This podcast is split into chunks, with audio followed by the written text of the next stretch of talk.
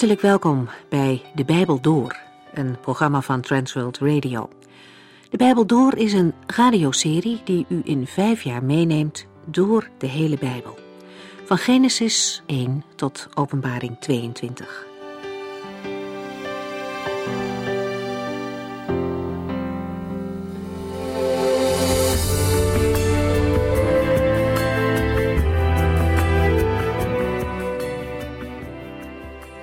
Welkom weer. Van deze serie over de Galatenbrief zijn dvd's gemaakt. Voor meer informatie hierover kunt u kijken op onze website transworldradio.nl of op luisterpost.nl. We zijn de vorige keer begonnen met Galaten hoofdstuk 4. Paulus maakt in deze brief op verschillende manieren duidelijk dat christenen niet gebonden zijn aan de wet van Mozes. In hoofdstuk 4 doet hij dat door een vergelijking met een erfenis te maken. Als een kind erfgenaam is, dan kan hij nog niets met die erfenis doen. Die wordt dus voor hem bewaard. En dan is er op het eerste gezicht geen enkel verschil tussen de erfgenaam en een slaaf. Beiden kunnen immers niet over de erfenis beschikken. Dat verandert wanneer het moment aanbreekt dat hij wel over de erfenis kan beschikken. In die tijd stelde de vader vast wanneer zijn zoon de leeftijd van een volwassene had bereikt. Dan vond er een ceremonie plaats die de zoon de positie van een volwassen zoon in de familie gaf. En zo heeft God ook een moment bepaald dat het tijd was. En op dat moment kwam Jezus Christus. Dat was het begin van een nieuwe periode in de heilsgeschiedenis. Jezus Christus maakte mensen vrij van de vloek van de wet. De wet die immers niets meer deed dan het aantonen dat mensen niet aan Gods normen konden voldoen. Christus hield zich aan de wet en hij stierf in plaats van al die mensen die eigenlijk hadden moeten sterven. En daarmee bevrijdde hij mensen en bracht ze terug bij het vaderhart van God. God neemt ons als zonen en dochters aan. Het beeld dat Paulus toepast verschuift nu enigszins. Het gaat erom dat wie een kind van God is, ook een erfgenaam is geworden. We lezen verder in Galaten 4 vanaf vers 6.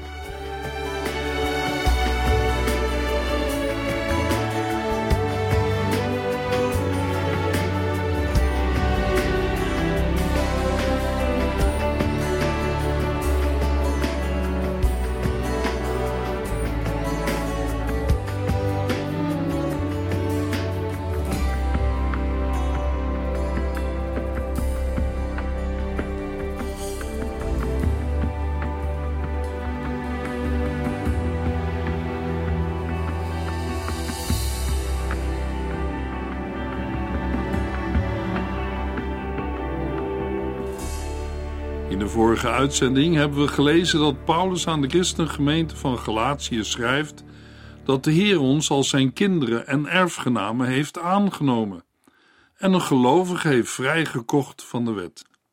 In Galaten 4 vers 6 schrijft de apostel er nog meer over. En omdat wij zijn kinderen zijn, heeft God de geest van zijn zoon in ons hart gegeven, zodat wij God echt kunnen aanspreken met Vader. Met het zoonschap is, net als in Romeinen 8, vers 15 tot en met 17, de gave van de geest verbonden. Het is het werk van de geest de gelovige nauw te verbinden met de Vader. De Heilige Geest is voor een gelovige de garantie en het onderpand van het door God als zijn kinderen te zijn aangenomen. Daarom kan enerzijds de Heilige Geest gelden als kenmerk van het tot kinderen aangenomen zijn en anderzijds het kindschap de basis zijn voor het ontvangen van de Heilige Geest. De basis ligt in het vrijsprekende oordeel van God. De uitwerking daarvan is dat God de geest van zijn zoon heeft uitgezonden in de harten van de gelovigen. De Heilige Geest wordt hier de geest van zijn zoon genoemd. Door het werk van de zoon is de ononderbroken relatie met de Heere mogelijk zoals de zoon die zelf ook kent in zijn een zijn met de Vader. De Heilige Geest richt ons hele leven op God. Daardoor kunnen wij God echt aanspreken met Vader. Het Arameese woord voor vader is Abba. Dit vertrouwelijke woord, kinderen noemen hun papa zo, werd door Jezus gebruikt voor zijn vader. Doordat de Heilige Geest in de gelovigen woont, mogen gelovigen nu ook tegen de Heere zeggen: Abba, Vader. Romeinen 8, vers 16 en 17.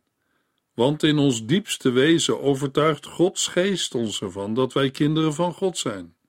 En als wij Gods kinderen zijn, krijgen wij ook wat ons als zijn kinderen toekomt. Wat God aan zijn Zoon Jezus Christus geeft, zal Hij ook ons geven. Als wij hetzelfde lijden doormaken als Hij, zullen we ook dezelfde heerlijkheid krijgen als Hij. Luisteraar, als u een kind van God bent, zult u geleid willen worden door de Heilige Geest. Wij hoeven dus geen slaven van de angst meer te zijn. Nee, God heeft ons een andere geest gegeven. We zijn door Hem aangenomen als kinderen. Zeker, de dagelijkse worstelingen met de zonde en verleidingen in ons leven verdwijnen niet.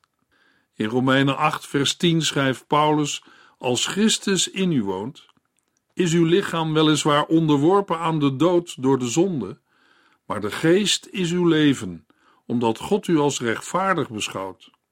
Een gelovige hoeft geen slaaf van de angst meer te zijn. Hij of zij heeft de Heilige Geest ontvangen, de geest van het kindschap, waardoor wij roepen: Abba, Vader. Romeinen 8, vers 16 en 17. Want in ons diepste wezen overtuigt Gods geest ons ervan dat wij kinderen van God zijn. En als wij Gods kinderen zijn, krijgen wij ook wat ons als zijn kinderen toekomt. Wat God aan zijn Zoon Jezus Christus geeft, zal Hij ook ons geven. Als wij hetzelfde lijden doormaken als Hij, zullen wij ook dezelfde heerlijkheid krijgen als Hij. Luisteraar, als u een kind van God bent, zult u geleid willen worden door de Heilige Geest. Wij hoeven dus geen slaven van de angst meer te zijn. Nee, God heeft ons een andere geest gegeven. Wij zijn door Hem aangenomen als Zijn kinderen. Zeker, de dagelijkse worstelingen met de zonden en verleidingen in ons leven verdwijnen niet.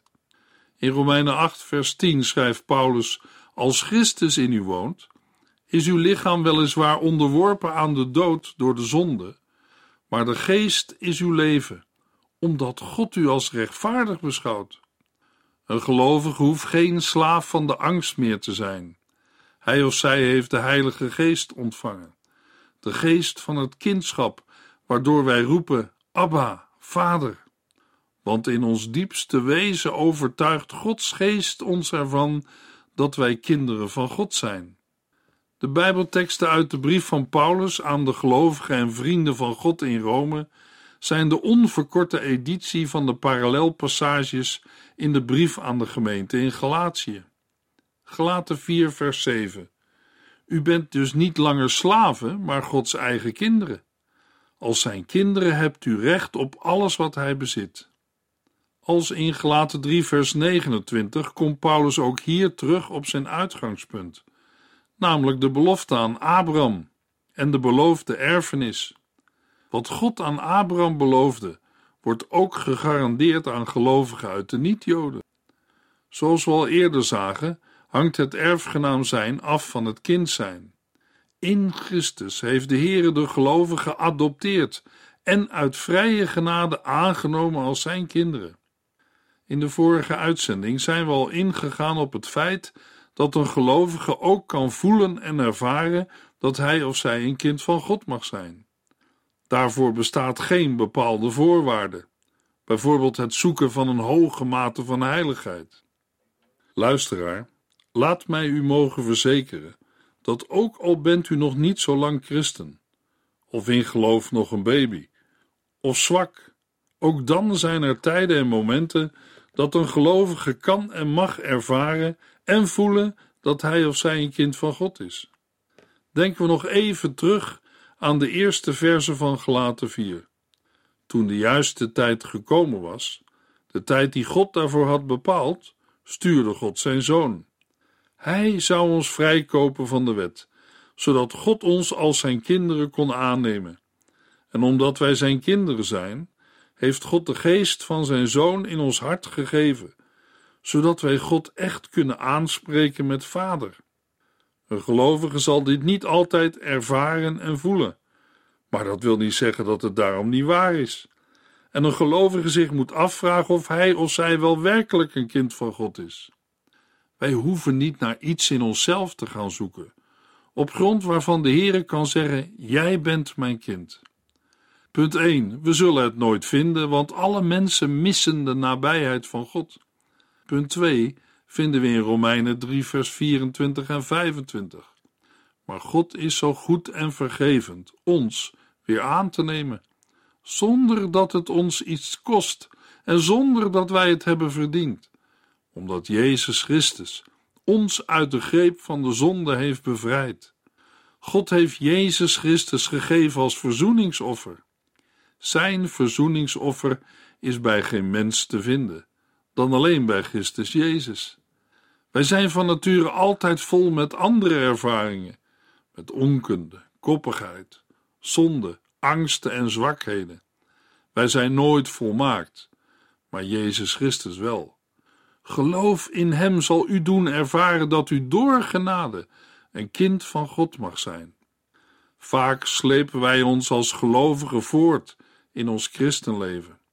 Dan zijn er vaak geen ervaringen en belevenissen met de Heer. Soms lijkt het wel of ons leven als christen erg saai en een beetje eentonig wordt. Maar er zijn toch ook andere momenten? Vaak als de Heer ons op de proef stelt, of ons dingen wil afleren die maar hardnekkig blijven voortwoekeren. Dan ervaren we vaak de nabijheid van de Heer. Het is met ons vaak zoals het gedicht Voetstappen in het zand ons leert. Misschien kent u het wel. Ik droomde eens en zie, ik liep aan een strand bij het lage tij.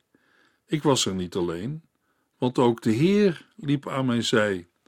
We liepen samen het leven door en zagen in het zand een spoor van stappen, twee aan twee.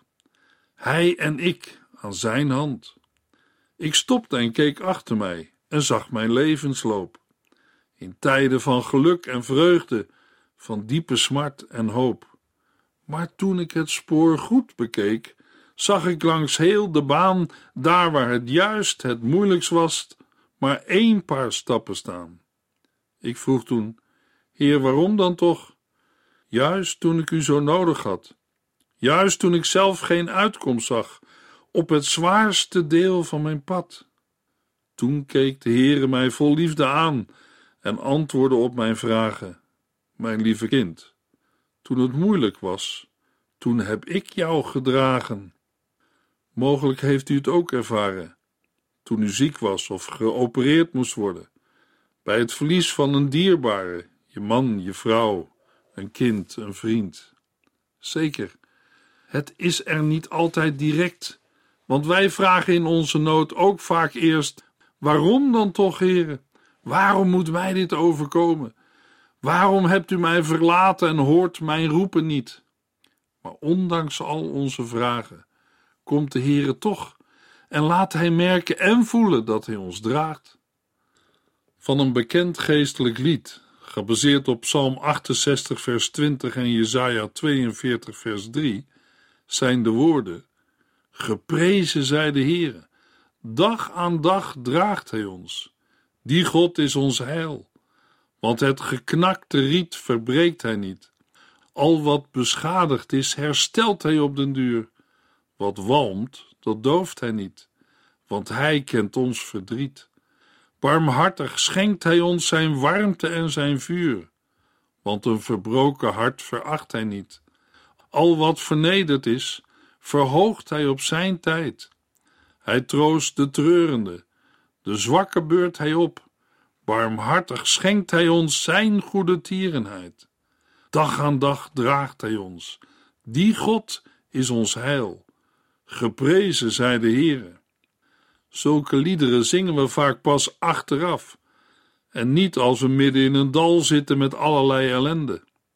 David schrijft over een donker dal in Psalm 23, vers 4. Zelfs als ik door een donker dal moet lopen, ben ik niet bang, want u bent dicht bij mij en begeleidt mij heel de weg.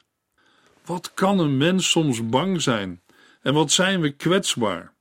Geweldig om dan te weten: de Heer is dicht bij mij en hij begeleidt mij heel de weg. In Prediker 7, vers 3 vinden we een uitspraak die een mens aan het denken zet. Verdriet is beter dan blijdschap, want verdriet is beter voor je ziel. Prediker geeft zijn wijsheid niet door als een vaste wet, maar als levenswijsheid en eigen ervaring.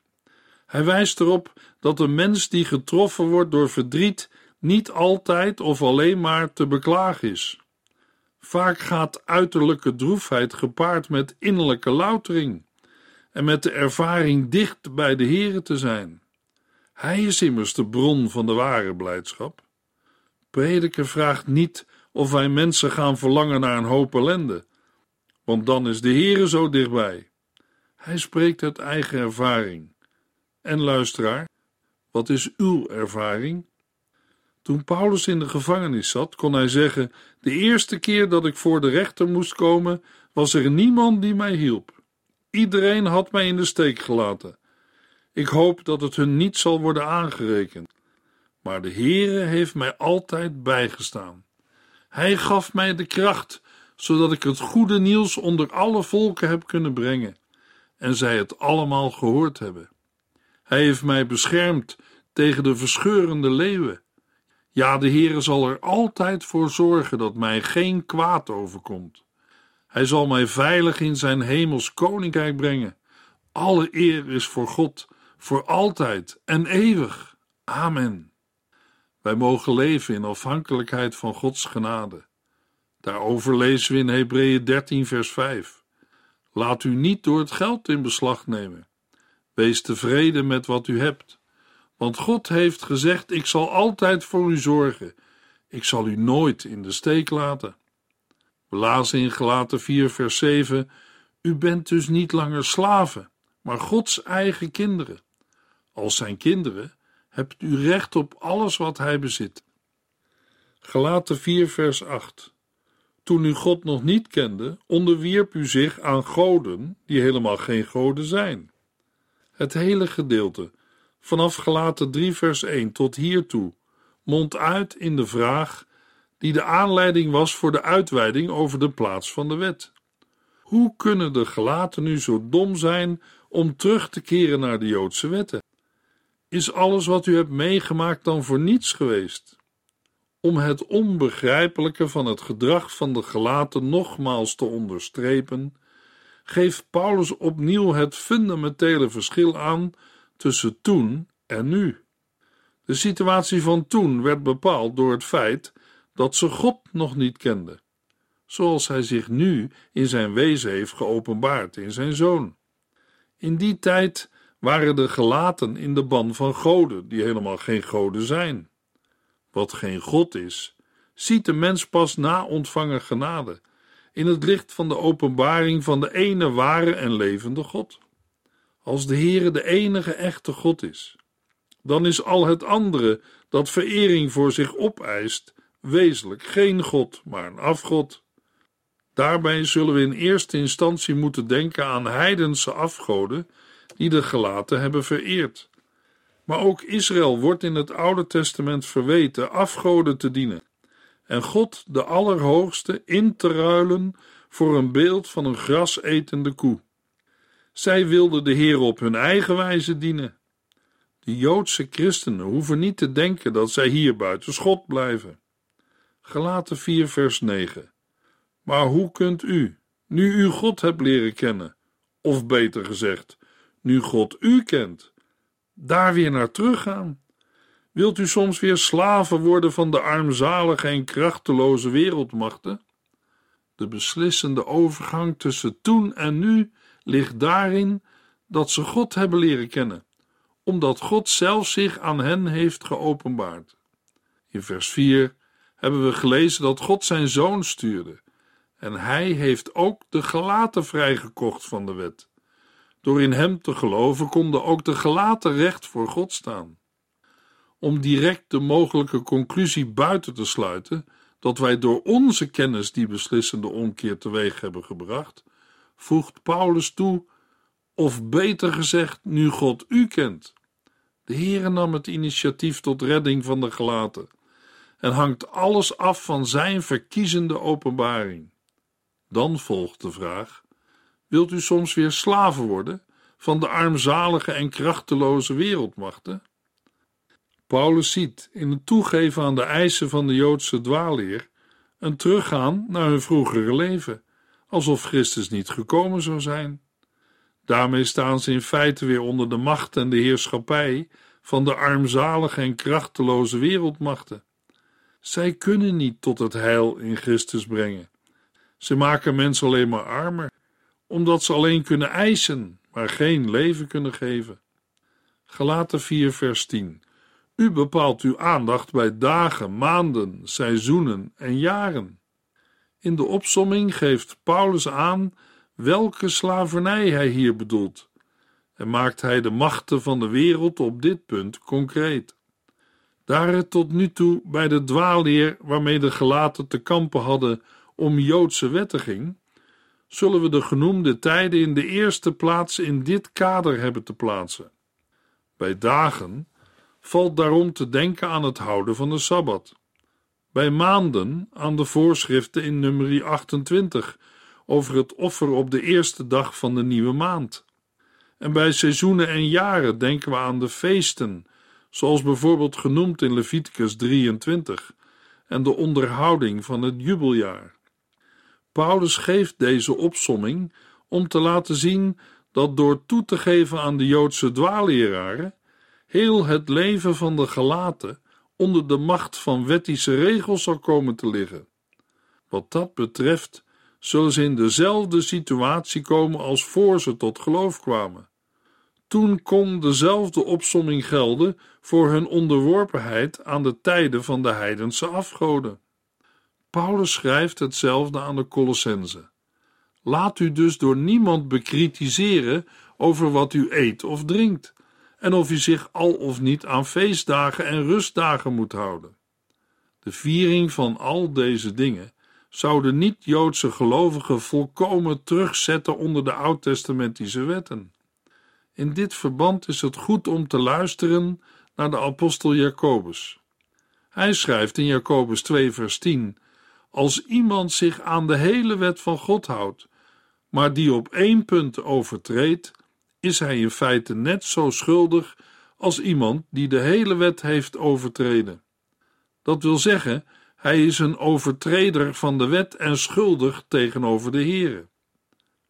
Galaten 4 vers 11 U mag wel weten dat ik mij zorgen maak om u. Ik ben bang dat alles wat ik voor u heb gedaan voor niets geweest is. Met de uitdrukking ik maak mij zorgen om u, laat Paulus opnieuw zien wat hij ook in Galaten 3 vers 1 al duidelijk maakte. Zijn bezorgdheid richt zich direct op de gelaten. Ik ben bang dat alles wat ik voor u heb gedaan voor niets geweest is. De inspanningen van de apostel Paulus voor de gelaten liggen op het gebied van de evangelieverkondiging. In Gelaten 2 vergelijkt Paulus die inspanningen met het hardlopen in een renbaan. Als de gelaten hun leven weer onder de eerste beginselen van de wettische voorschriften wilden stellen, had de prediking van het evangelie hen niet bevrijd en was deze voor niets geweest. Paulus maakt zich zorgen om de gelaten. Hij is er werkelijk bang voor dat de gemeente het heil in Christus in zijn ware consequenties vaarwel zegt. Het doel van zijn brief is dan ook om in de concrete situatie van de gelaten één ding duidelijk te maken. Het is of van genade leven, of jezelf proberen te rechtvaardigen. Er is maar één manier om het met de Heer in orde te krijgen. En dat kan niet door zich aan de Joodse wetten te houden, maar dat kan wel door in Jezus Christus te geloven. Paulus doet een appel op de gemeente. Kies dan het leven door het geloof in Jezus Christus. Gelaten 4, vers 12 en 13. Beste vrienden, stelt u zich eens voor in mijn plaats, zoals ik mij in uw plaats heb gesteld. Niet dat u mij iets hebt aangedaan, want toen ik u voor het eerst iets over Jezus Christus vertelde, was ik lichamelijk zwak. Na de uitvoerige zakelijke uiteenzetting van en waarschuwing tegen het gevaar van de terugval onder de macht van de wet, volgt nu in de versen 12 tot en met 20 een persoonlijk argument. De relatie van de apostel Paulus tot de gelaten zou voor hen op zichzelf al genoeg reden moeten zijn niet aan de Joodse dwaalleraar toe te geven. Paulus roept de gelaten op: stelt u zich eens voor in mijn plaats. Gezien de context is het meest aannemelijk om bij deze woorden te denken aan Paulus' verhouding tot de wet. Hij is door de wet voor de wet gestorven. In Gelaten 2 vers 19 en 20 hebben we gelezen: Door die wet zelf leef ik nu niet meer voor de wet, maar voor God. Ik ben samen met Christus aan het kruis gestorven. Daarom leef ik zelf niet meer, maar Christus leeft in mij. Zolang ik nog in dit lichaam ben, leef ik door het geloof in de Zoon van God. Hij hield zoveel van mij dat hij zijn leven voor mij heeft gegeven. De wet kan voor Paulus geen middel meer zijn om door God als rechtvaardig beschouwd te worden en het heil te verkrijgen. De apostel geeft zijn eigen leven als voorbeeld. Niet omdat het een verdienste van Paulus zou zijn, maar opdat daarin uitkomt dat Paulus zelf ook navolger van Christus is. Opmerkelijk zijn in dit verband de woorden waarmee de apostel de gelovigen in Galaten aanspreekt: beste vrienden. Ook dat is een appel op de gezamenlijke band met Christus. Juist op die persoonlijke band wijst ook het vervolg. Niet dat u mij iets hebt aangedaan. In geen enkel opzicht is de band tussen de Galaten en de apostel Paulus verbroken. Dat de toon van de apostel vaak zo scherp is, ligt niet aan een persoonlijk onrecht dat hem van de kant van de gemeente zou zijn aangedaan. Om dit te onderstrepen, wijst Paulus op hun eerste contact. Wanneer we dit precies moeten dateren, hangt af van de opvatting wie we precies onder de gelaten moeten verstaan. Daarover meer in de volgende uitzending. We lezen dan Gelaten 4, vers 12 tot en met 31.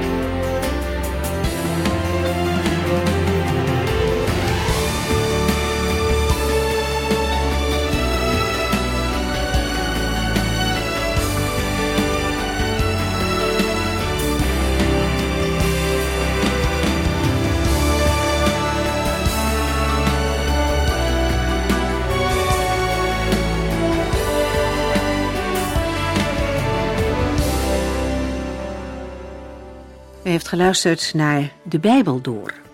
In het Nederlands vertaald en bewerkt door Transworld Radio. Een programma waarin we in vijf jaar tijd de hele Bijbel doorgaan. Als u wilt reageren op deze uitzending of u heeft vragen, dan kunt u contact met ons opnemen. Tijdens kantooruren kunt u bellen op 0342 47 8432. 0342 47 8432. 32. Ook kunt u een e-mail sturen naar de Bijbel door transworldradio.nl en natuurlijk kunt u ook via de post ons bereiken. TWR, postbus 371, postcode 3770, AJ in Barneveld. Dit programma werd gepresenteerd door Cor Weda en Ike André. Techniek was in handen van Odin van Woerdekom. En wij allemaal bedanken u voor het luisteren. Graag tot de volgende keer.